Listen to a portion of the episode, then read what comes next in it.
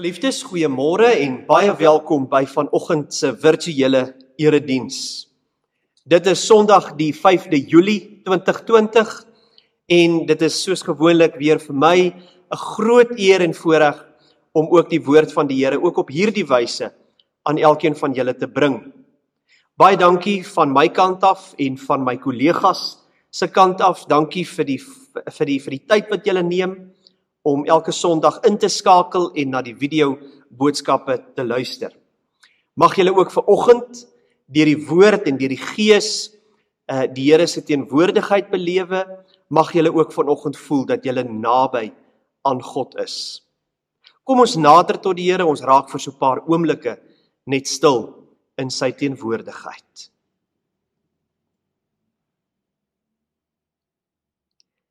Here ons se Here Die apostel Jakobus skrywe in sy brief nader tot God en hy sal tot julle nader. En daarom Here nader ons vanoggend tot u in nederigheid. Ons nader tot u met groot eerbied. Ons nader tot u in totale afhanklikheid. Here ons nader tot U met diep besef dat dit slegs deur die genade van ons Here Jesus Christus is dat ons hierdie voorreg het om tot U te mag nader en in U teenwoordigheid in te beweeg. Jakobus skrywe: Nader tot God en hy sal tot julle nader. Daarom is ons gebed: Nader tot ons, Here. Wees teenwoordig deur u woord en deur u gees en mag ons u nabyheid in die volgende paar oomblikke op 'n besondere wyse ervaar. Ons en ons geliefdes. In Jesus naam alleen bid ons dit. Amen.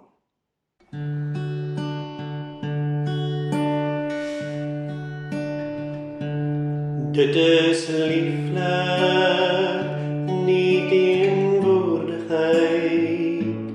Dit is lieflik nie teenwoordigheid.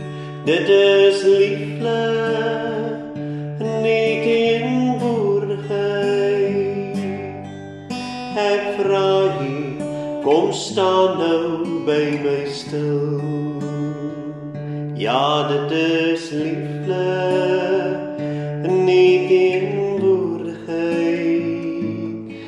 Dit is lieflik, nie teenwoordigheid. Dit is lieflik, nie teenwoordigheid. Ek vra U, kom staan nou by my stil.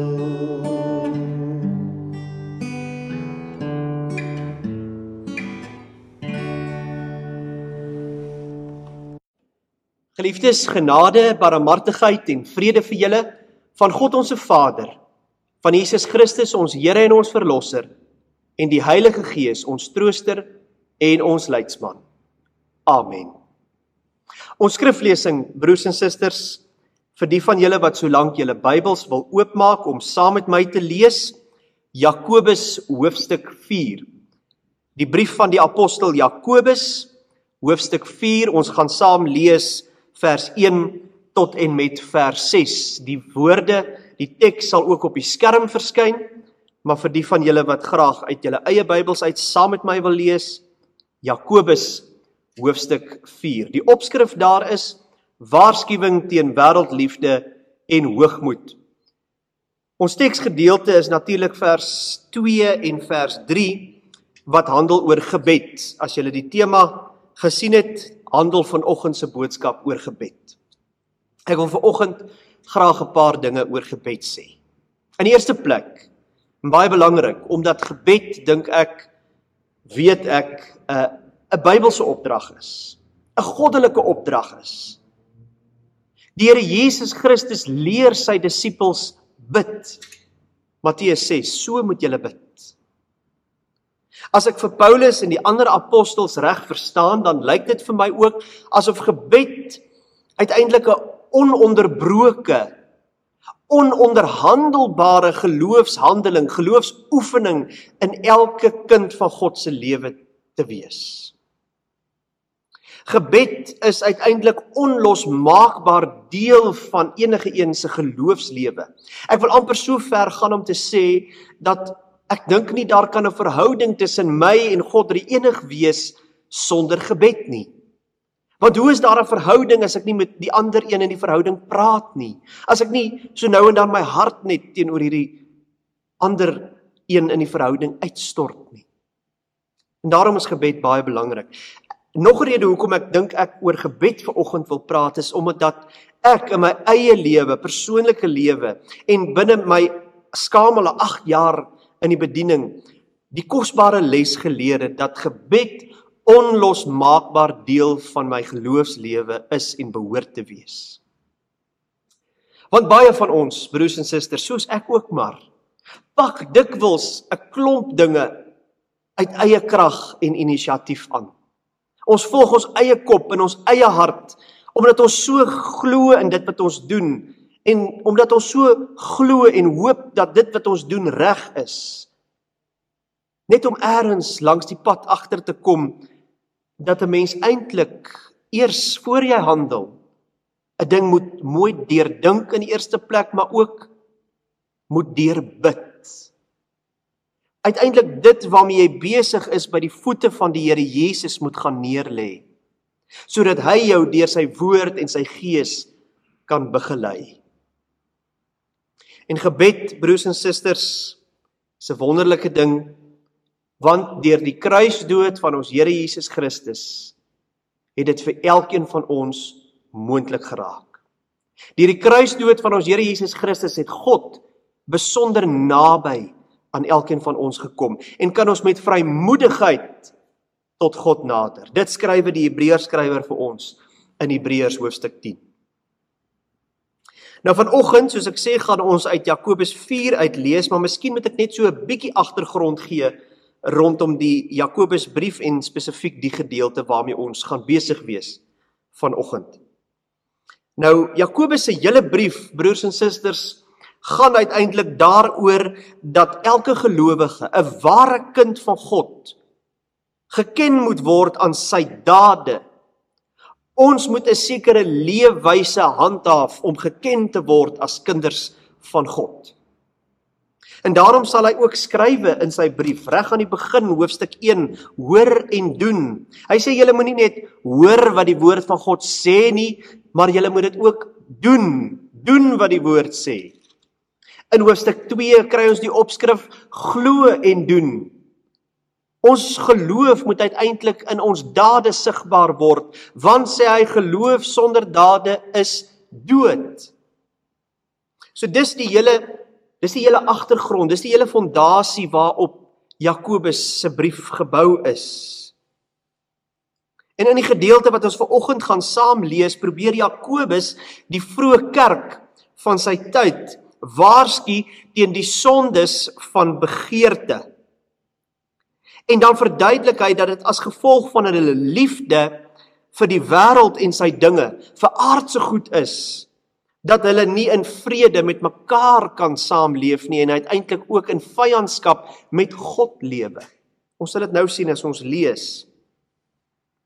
As gevolg van hulle selfsug en gierigheid is hulle verhouding met God eintlik ingedra. En dan interessant, in hierdie gedeelte, so in die middel van hierdie stuk wat ons saam gaan lees, sê Jakobus 'n paar belangrike dinge rondom die gebed. Hy skrywe hier vers 2 en 3 dat mense nie bid nie.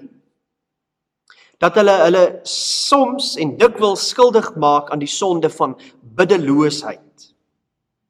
En verder wys hy hulle daarop dat wanneer hulle wel bid, hulle nie ontvang nie omdat hulle verkeerd bid. Dis asof Jakobus sonder om doekies om te draai vir hulle dit kom duidelik maak dat hulle sondes van hebsug en selfsug, gierigheid wat aangevuur word deur hulle sondige begeertes en hinkering na wêreldse dinge dat dit uiteindelik ook hulle gebedslewe vergiftig.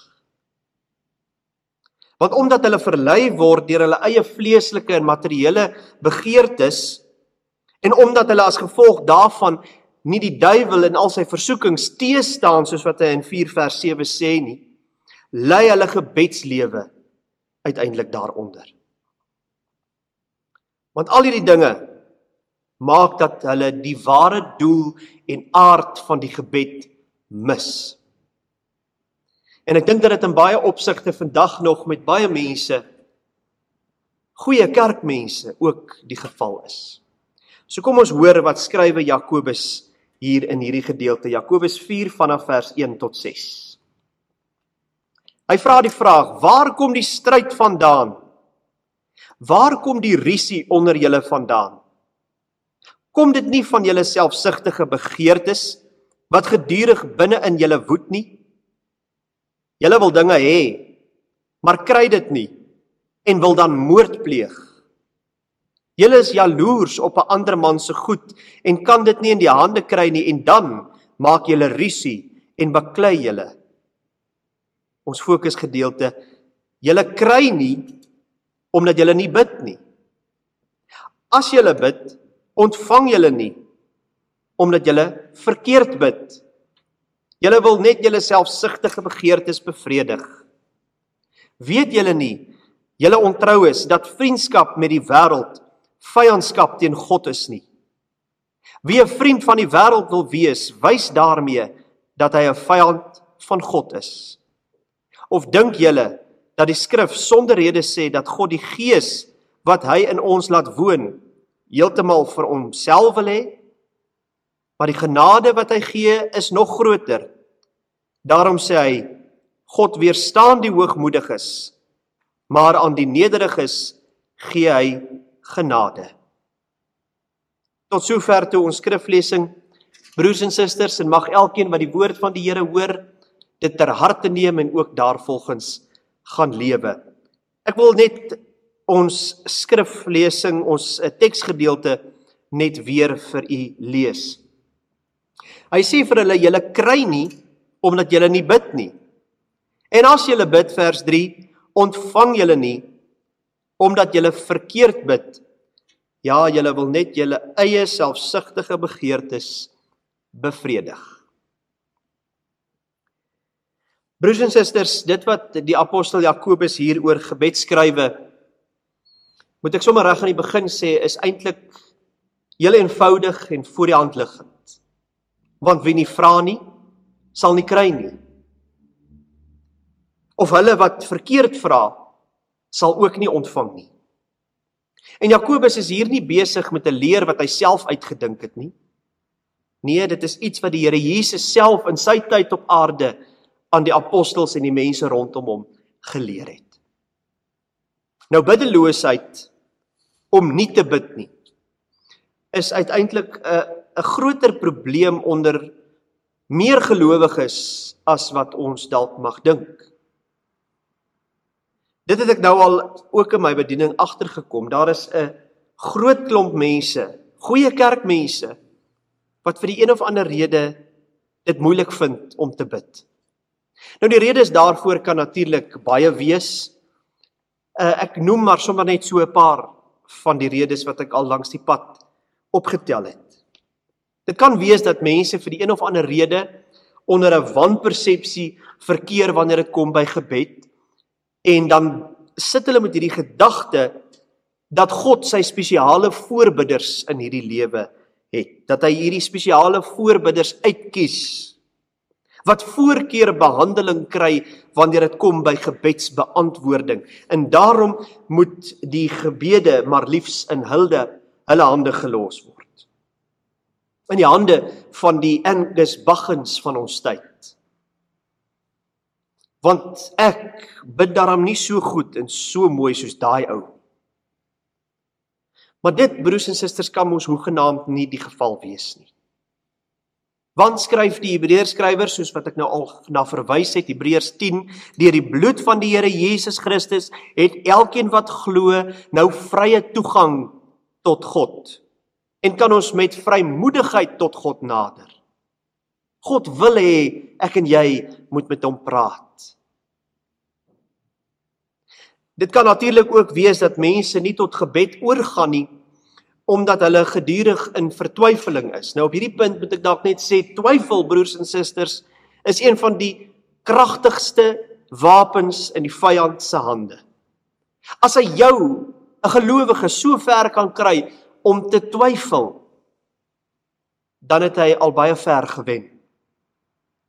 En so kry mens dan mense wat in God glo en weet dat hy bestaan, maar vir een of ander rede, duistere rede, bestaan daar vir hulle hierdie onoorbrigbare kloof tussen hulle en God. Want God is hierdie veraf opperwese wat homself net bemoei met die heelal en die instandhouding daarvan. Hy is te ver en te groot. Hoekom sal hy tog na my klein nietige mens luister? Hoekom sal hy hoor wat ek te sê het? En dan bly ons liewer stil. Maar dan wonder ek net altyd in my stilligheid, wat sulke mense dan maak met teksverse soos Psalm 8 vers 5 wat sê, "Wat is die mens dat u aan hom dink? Die mensekind dat u na hom omsien? U het hom net minder as 'n hemelwese gemaak." God het ons in staat gestel, broers en susters, om met hom te kan praat. In die Here Jesus Christus het God ongelooflik naby aan ons gekom. En daarom kan ons dit waag om te bid. By ander gelowiges en dis miskien die die meer hartseere gevalle kry mens die mense wat gebed ergens langs die pad verloor het. Wat ophou bid het vir een of ander rede. In baie ekstreme gevalle hoor ek dat mense sê, "Maar ek het gebed afgesweer want ek het op 'n stadium in my lewe baie hard en baie lank oor iets gebid en dit lyk vir my asof ek te vergeefs gebid het, asof my smeekgebede op doewe ore geval het." Mense wat geestelik teleurgesteld voor God staan en sê dat hy nie luister nie en gevolglik ophou bid het. Mens kry natuurlik hierdie tipe van denke en taal ook onder die Bybelskrywers. Maar altyd is daar weer hierdie opflikkering van hoop en vertroue. Ek dink baie mense wat op hierdie punt gekom het, doen dit uiteindelik maak hierdie besluit om op te hou bid sonder die nodige geloofsonderskeiding. Sonder om 'n bietjie rustig te gaan word en te besin oor hierdie waarskynlike onbeantwoorde gebede. Sonder om vir een oomblik vir hulle self af te vra en 'n bietjie te dink daaroor en vir hulle self te vra, is dit wat ek gebid het werklik binne die wil van God gewees? Want hoe moeilik en hoe swaar dit ook al in baie gevalle mag wees broers en susters, is dit wat ons van God vra nie altyd binne sy wil nie. Maar die rede waarom die mense aan wie Jakobus skrywe nie gebid het nie was waarskynlik as gevolg van heeltemal 'n ander redes. Hy sê hierso dis van wie hulle vertroue in aardse verganklike dinge. Ons kry dit vandag nog. Mense wat so vol selfvertroue is dat hulle eintlik nie vir God nodig het nie en nie op die punt kom waar hulle gebed 'n noodsaaklikheid ag nie. Want hulle het geld, hulle het mag, hulle het status. Dit wat ek soek, kry ek. Dit wat ek graag wil hê, dit kry ek ook en met baie gemak. Al moet ek dan op 'n paar mense trap om dit te kry. Dit gaan eintlik met my goed. Ek het nie vir God nodig nie.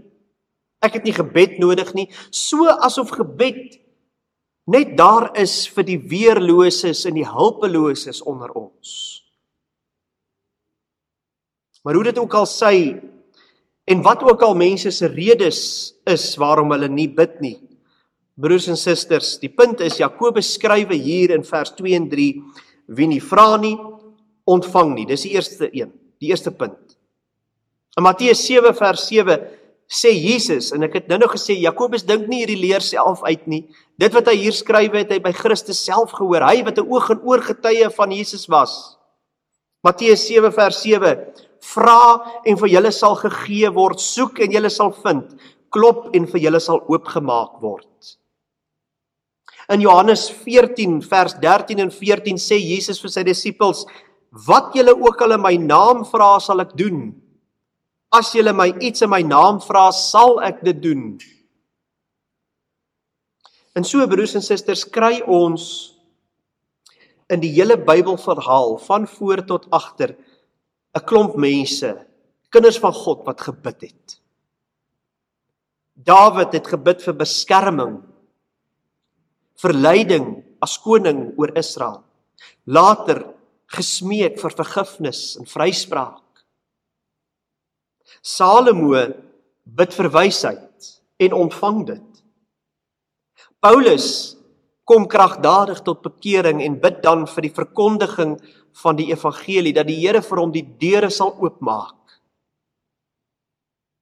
Jesus, ons Here Jesus Christus, bid die heeltyd, gedurig vir alle mense, vir allerlei dinge En op hierdie punt wil ek jou net die vraag vra: As dit dan vir die seun van God, broers en susters, nodig was om te bid, hoeveel te meer dan nie vir my en vir jou nie. En wanneer jy die verhale van hierdie mense lees, dan kom jy agter dat God hulle uiteindelik laat kry het wat hulle gevra het. Hulle het ontvang in baie gevalle meer as wat hulle ooit kon bid of dink. En God het hulle kragtig gebruik in sy koninkryk. Want hierdie mense bid uiteindelik die wil van God af. En so leer die Here Jesus ons ook bid. En ek dink dit is uiteindelik die goue spelreël as dit kom by gebed. Om te sê, nie my wil nie, maar U wil.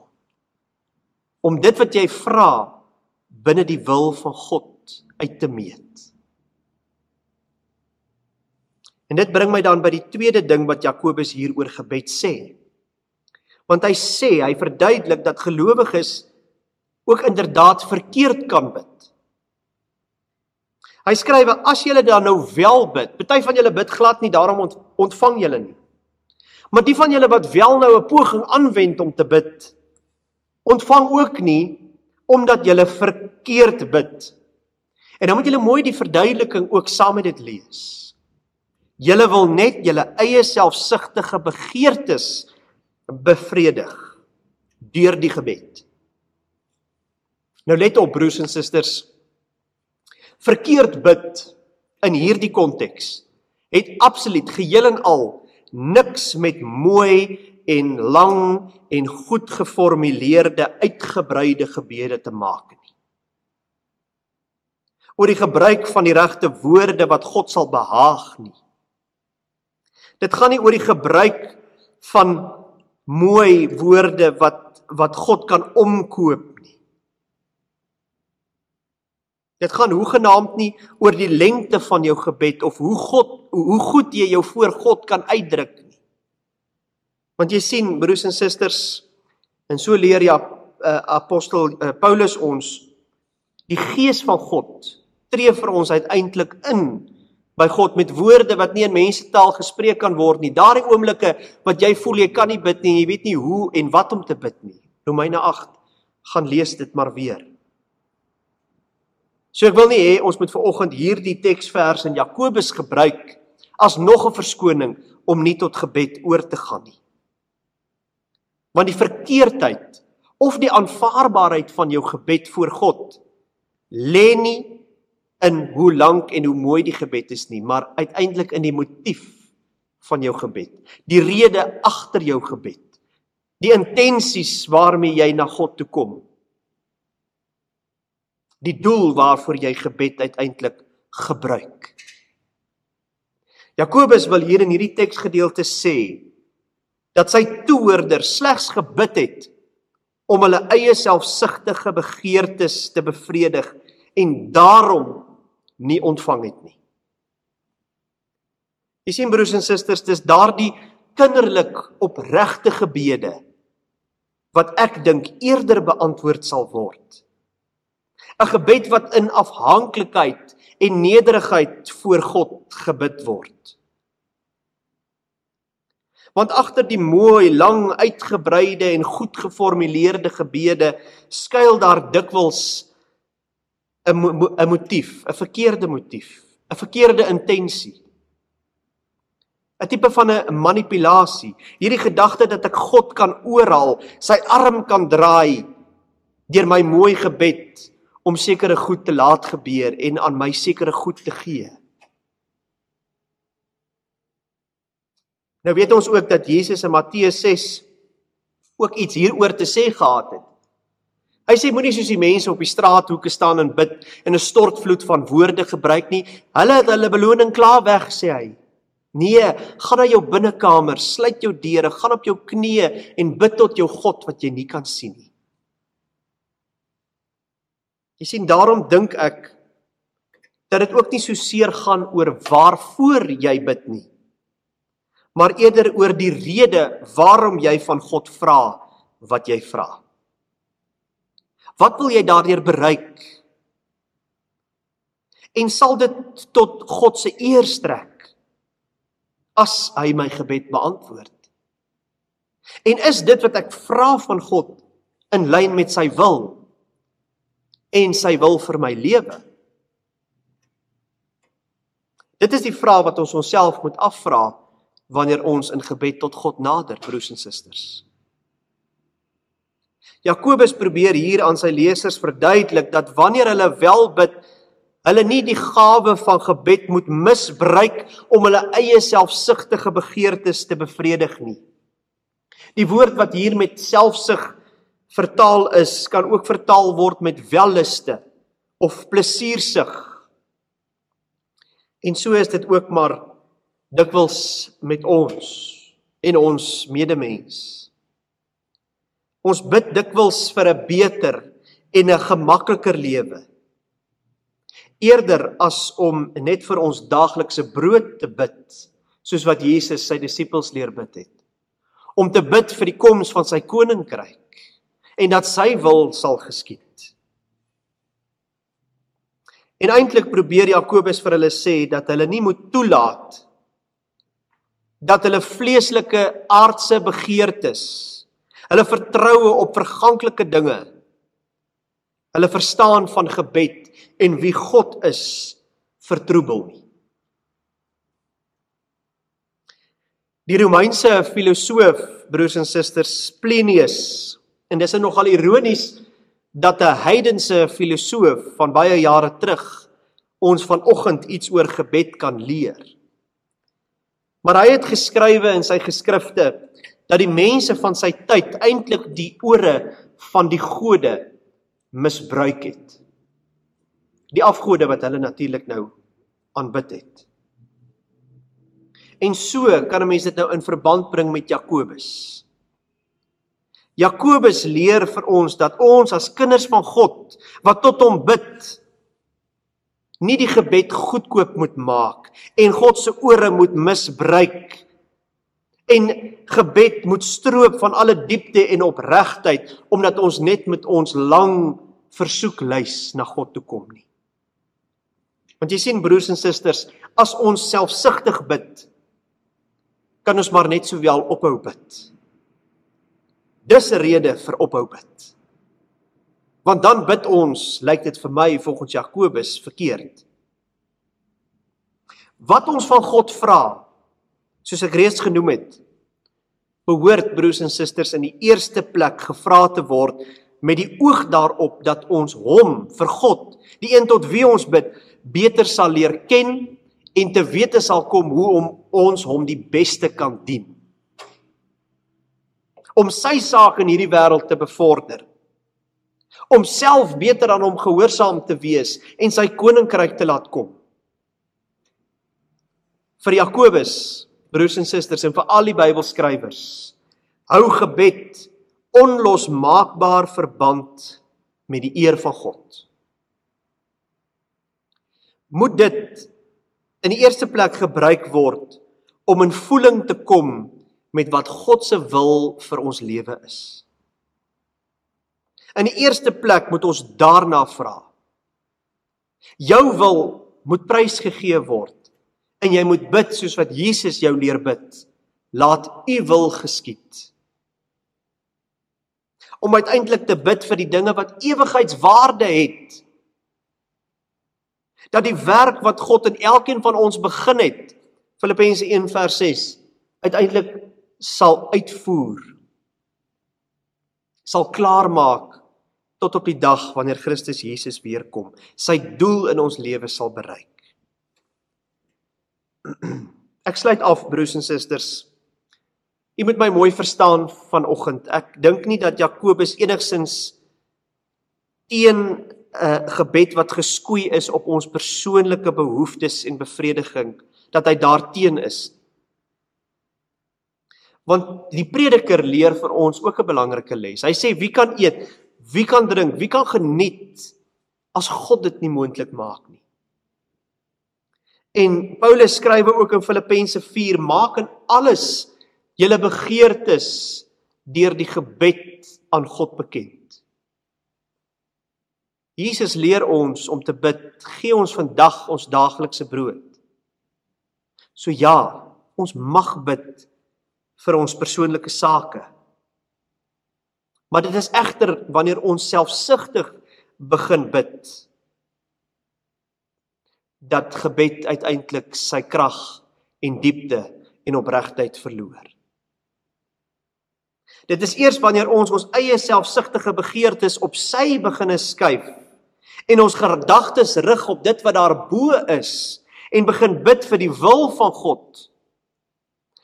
Wanneer ons van God begin afbid wat hy wil hê, dat gebed in ons lewens uiteindelik weer sal begin sin maak. En daardie verandering lê hier in my en in jou hart. Daar waar ons die Gees kans gee om ons te oortuig van dit wat ons wel voor God moet bid. Dit is wanneer jy bid vir die koms van die koninkryk en dat sy wil sal geskied dat jy opnuut sal leer dat gebed wel verhoor word en dat God in oorvloed voorsien. Dikwels, soos wat Paulus in Efesiërs 3 vers 20 skrywe. Dikwels ver bo dit wat ons ooit mag bid of dink. Mag gebed in jou lewe opnuut weer betekenis en sin kry. Kom ons bid saam en ons vra die Here om ons ver oggend ook in die gebed te lei. Here ons Here Dikwels gebeur dit dat ons biddeloos deur die lewe gaan. En die redes daarvoor, Here, kan baie wees. Die redes daarvoor kan soms ondeurdenk en onregverdig wees. Maar Here, ons wil vra dat U vir ons in die gebed sal help dat ons op daardie oomblikke wanneer ons nie weet hoe en wat ons moet bid nie dat ons daar sal voel hoe u gees ons lei en hoe ons uiteindelik kan vertrou dat hy ook vir ons by die Vader sal intree soos wat Paulus in Romeine 8 skrywe. Here help ons om weer te begin bid as ons opgehou het. En Here help ons om ook vir die regte dinge te bid wanneer ons wel in gebed tot U nader. Help ons om te bid dat U wil sal geskied. Dat U koninkryk sal kom. Help ons om dit wat ons van U afvra binne die konteks van U wil vir ons lewe en vir die wêreld ook te sien. Dit binne daardie konteks te plaas en dan dien ooreenkomstig te bid. Maar dankie Here dat U ook aandagtig is daaraan dat ons mense is. En dat U ook gebede wat in opregtheid, nederigheid en afhanklikheid gebid word, sal verhoor. Dat U ook hoor wanneer ons bid vir ons daaglikse brood en dat U in sekere omstandighede en situasies uitkoms moet gee. Want dan getuig dit ook van ons vertroue op U eerder as op aardse dinge en middele. Gaan saam met elkeen wat na hierdie woord geluister het vanoggend. Seën ons elkeen, seën die woord in ons harte. Laat dit ook vrug dra. Gee dat ons volgens hierdie woord sal gaan lewe en dat ons weer 'n biddende nasie en volk sal word. In Jesus naam alleen bid ons dit. Amen.